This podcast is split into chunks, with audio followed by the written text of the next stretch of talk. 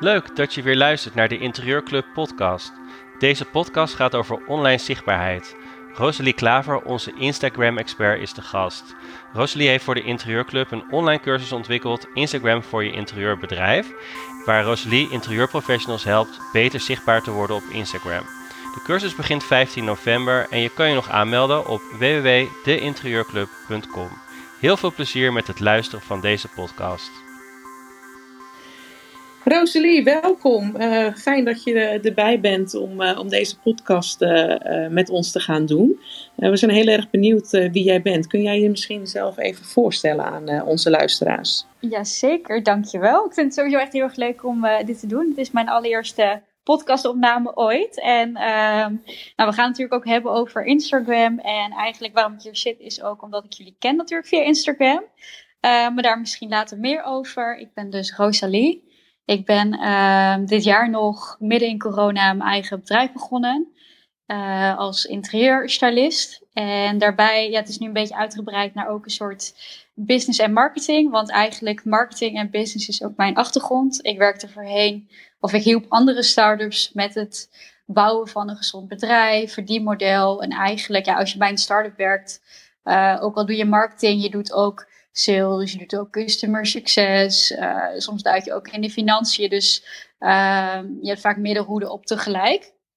En dat vond ik heel erg leuk. Maar ik merkte ook wel dat uh, binnen een bedrijf eigenlijk werken aan iemand anders zijn. Droom waar vaak de visie net wat anders is dan mijn eigen visie. Kun je dat schuurde een beetje. En ik had ook zoiets van, is dit het nou? Um, dus de droom voor echt iets voor mezelf beginnen, dat was er Um, en ja, daar ben ik eigenlijk vol voor gegaan. Ik ben toen een Instagram-accountje begonnen en uh, er kwam echt het een en het ander eigenlijk uit. Het is nog ineens zo'n heel groot kanaal, maar uh, tot nu toe heeft het met heel veel kansen gebracht. En uh, as we speak werk ik als digital nomad in Kaapstad. Misschien wel leuk om te weten. En uh, oorspronkelijk woon ik in Amsterdam.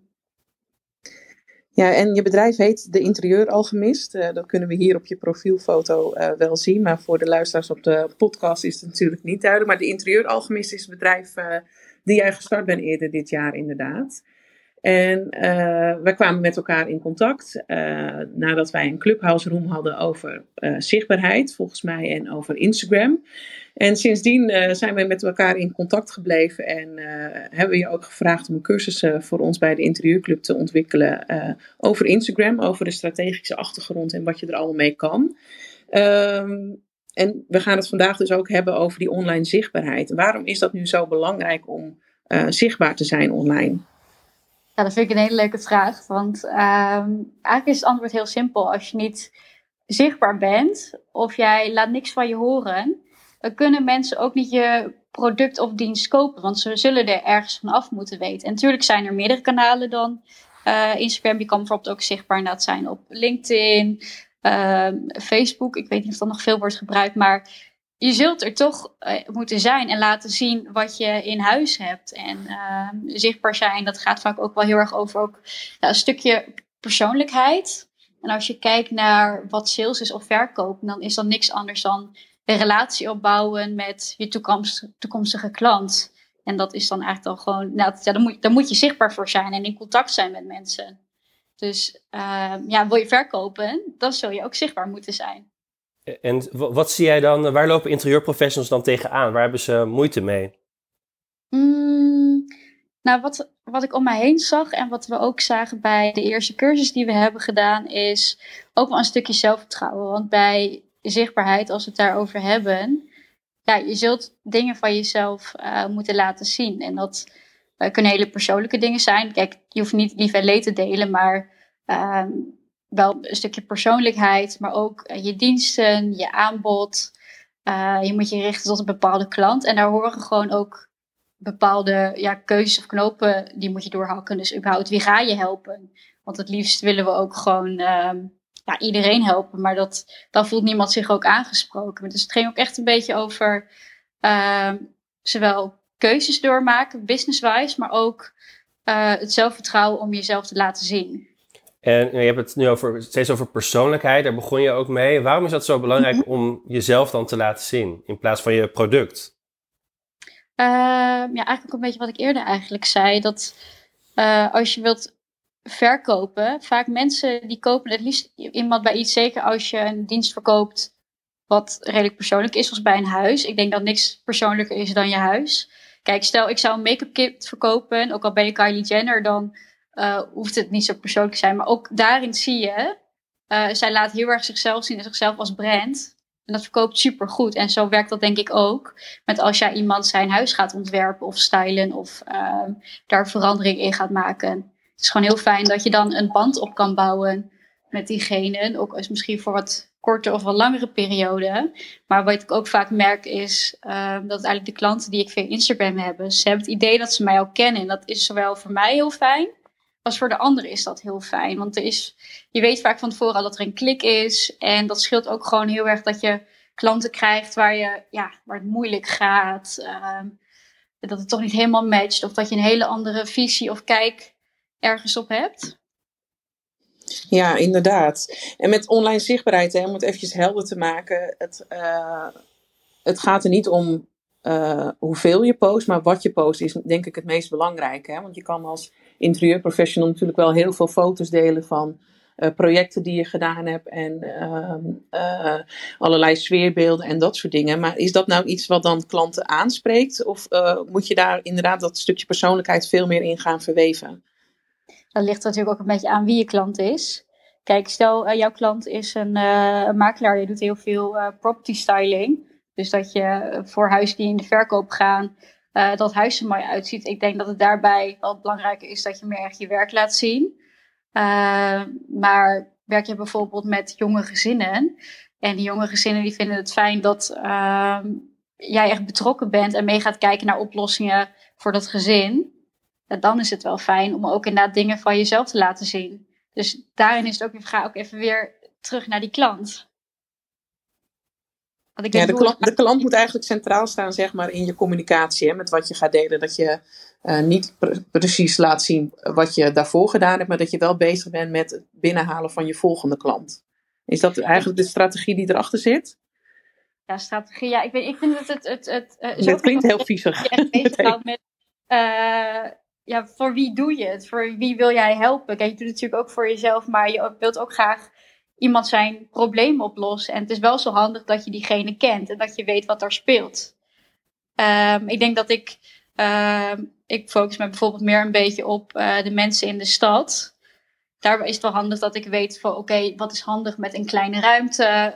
Um, dat ik daar kennis van heb. Dan dat iemand anders zich focust op uh, nieuwbouw in een hele andere buurt. Dat je daar heb je hele andere kennis voor nodig ja, het maakt het wel een stuk makkelijker in je communicatie kiezen, denk ik, voor, voor je content en wat je gaat posten als je gewoon helder hebt voor wie je er bent en welk probleem je oplost. Ja, en dan zeg je denk ik ook wel een hele leuke, um, dat je weet wat je moet plaatsen. Dat, dat hoor je ook heel vaak voorbij komen. Van, ja, ik weet niet wat ik moet delen. Um, wat voor content moet ik nu maken? En natuurlijk, ik heb ook wel eens, ik heb geen flauw idee dat ik even weet wat ik moet posten of wat ik moet schrijven. Um, maar ik geloof erin dat er altijd iets is om te delen. En dat het vaak meer eigenlijk een beetje aannames zijn als hoofd. Uh, dat je eerst um, een bedrijf moet hebben. Of een bepaald iets eerst moet af hebben gemaakt. Een bepaalde cursus. Kan pas eerst dit, dan pas kan ik dat. Um, als ik dat project heb afgerond, dan pas kan ik iets laten zien. Maar eigenlijk speelt het vooral zich nu al af.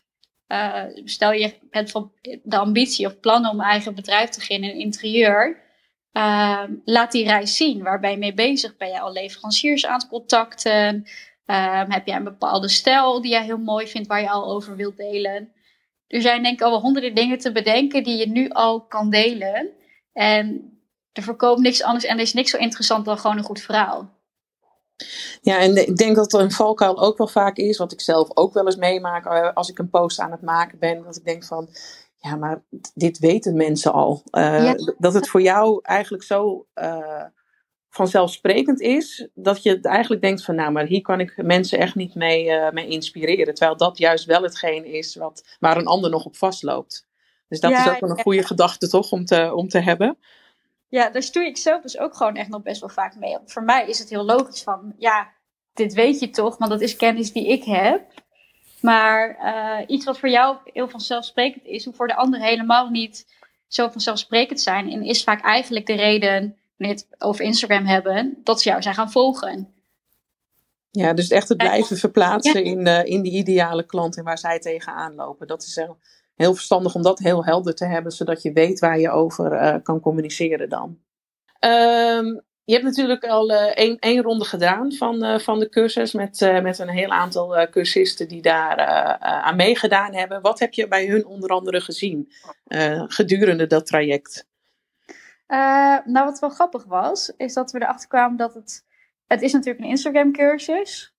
Maar het ging vaak helemaal niet over Instagram. Kijk, tuurlijk, we hebben het er echt over hoe profileer je jezelf op dat kanaal. Maar ik zeg het woord profileren. Dus uh, hoe profileer je je business? Dus uh, inderdaad, wat voor klant ga je helpen? Wie is diegene? Die zijn we echt tot in de nauwe puntjes zijn die gaan uitschrijven. We weten letterlijk waar diegene van wakker ligt.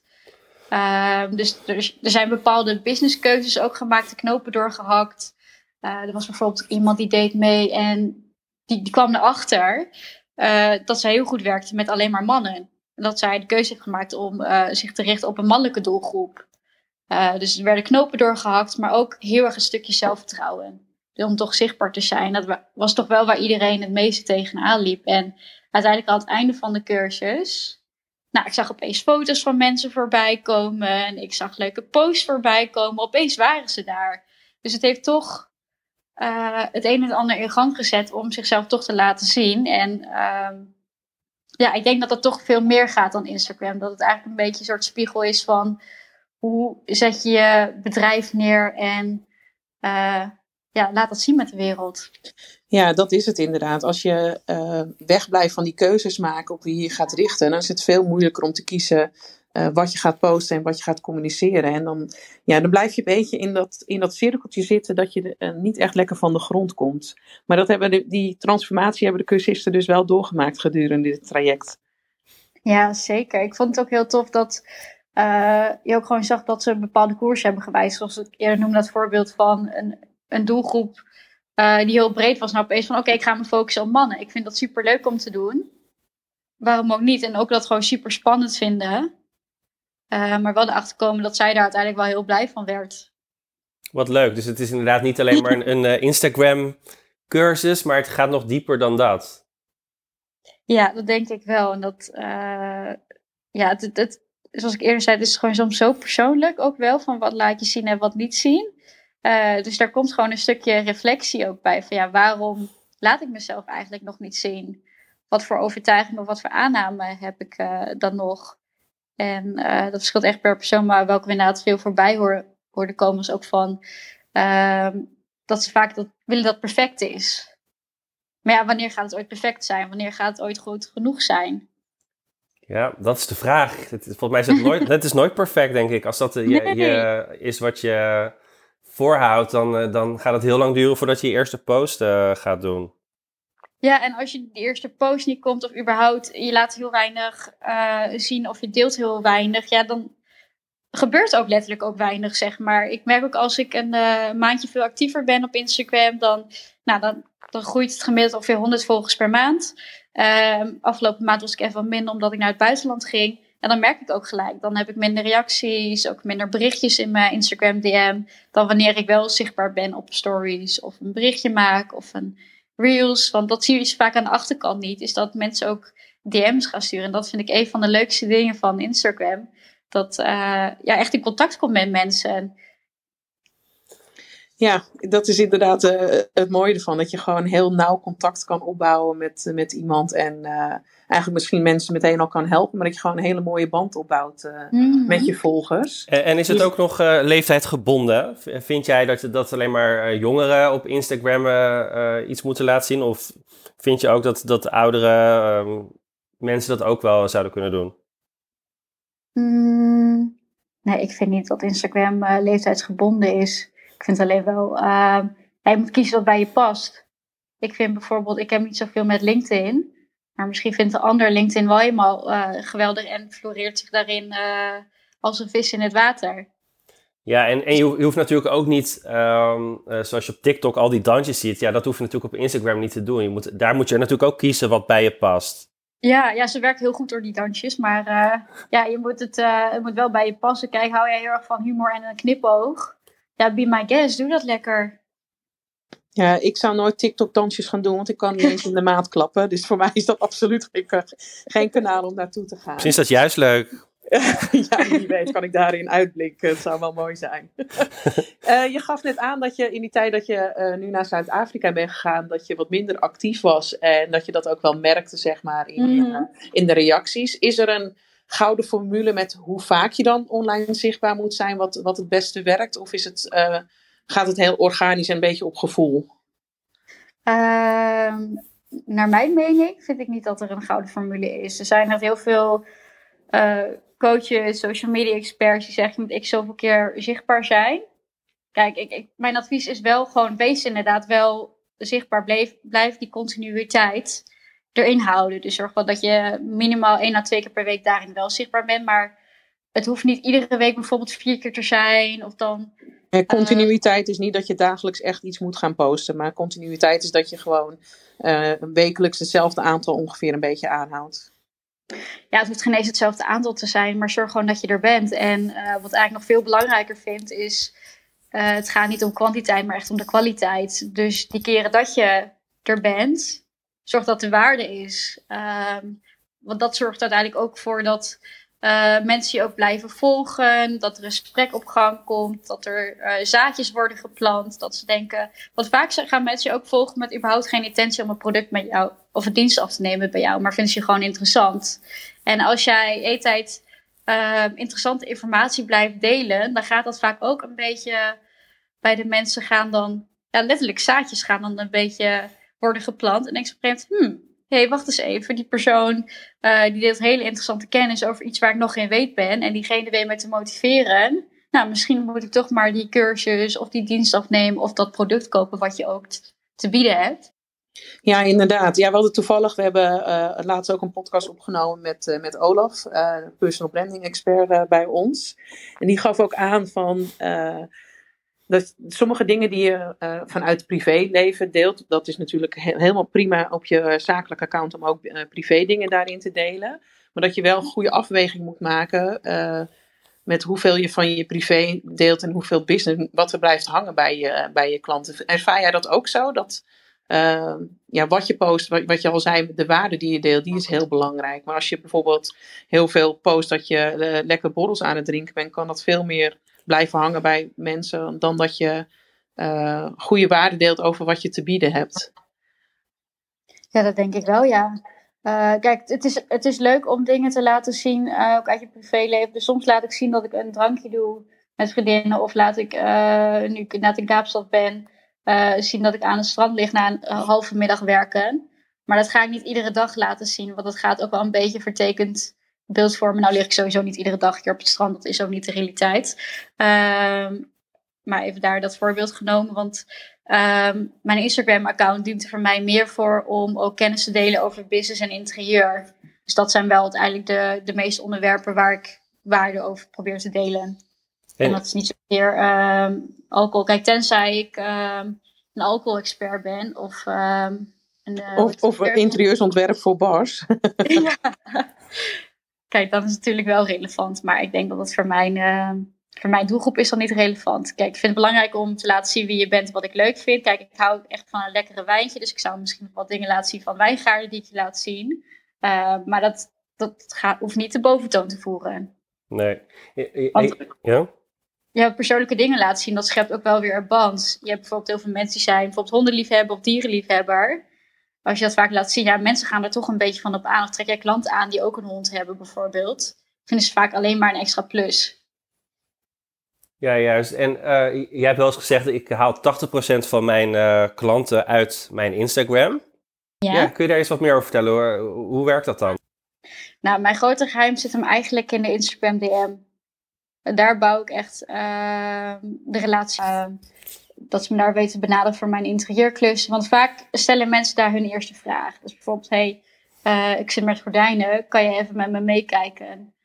Uh, en daarmee denk ik natuurlijk met diegene wel mee, maar ik ga natuurlijk niet mijn hele dienst verkopen. Maar ik bouw daarin wel uh, de relatie op.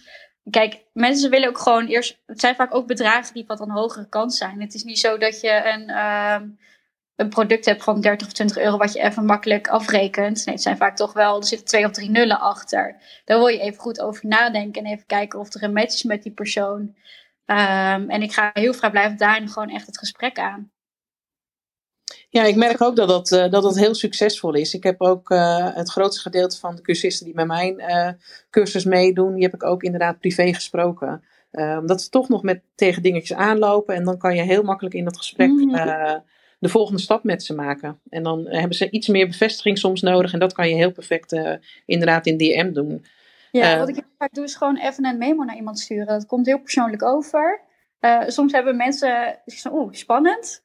Maar tot nu toe wordt altijd gewoon leuk op gereageerd. Omdat je even iemand echt even de aandacht geeft, de tijd neemt en even met diegene meedenkt. En dat meen ik ook gewoon echt oprecht. Want iemand die uiteindelijk klant bij mij wordt.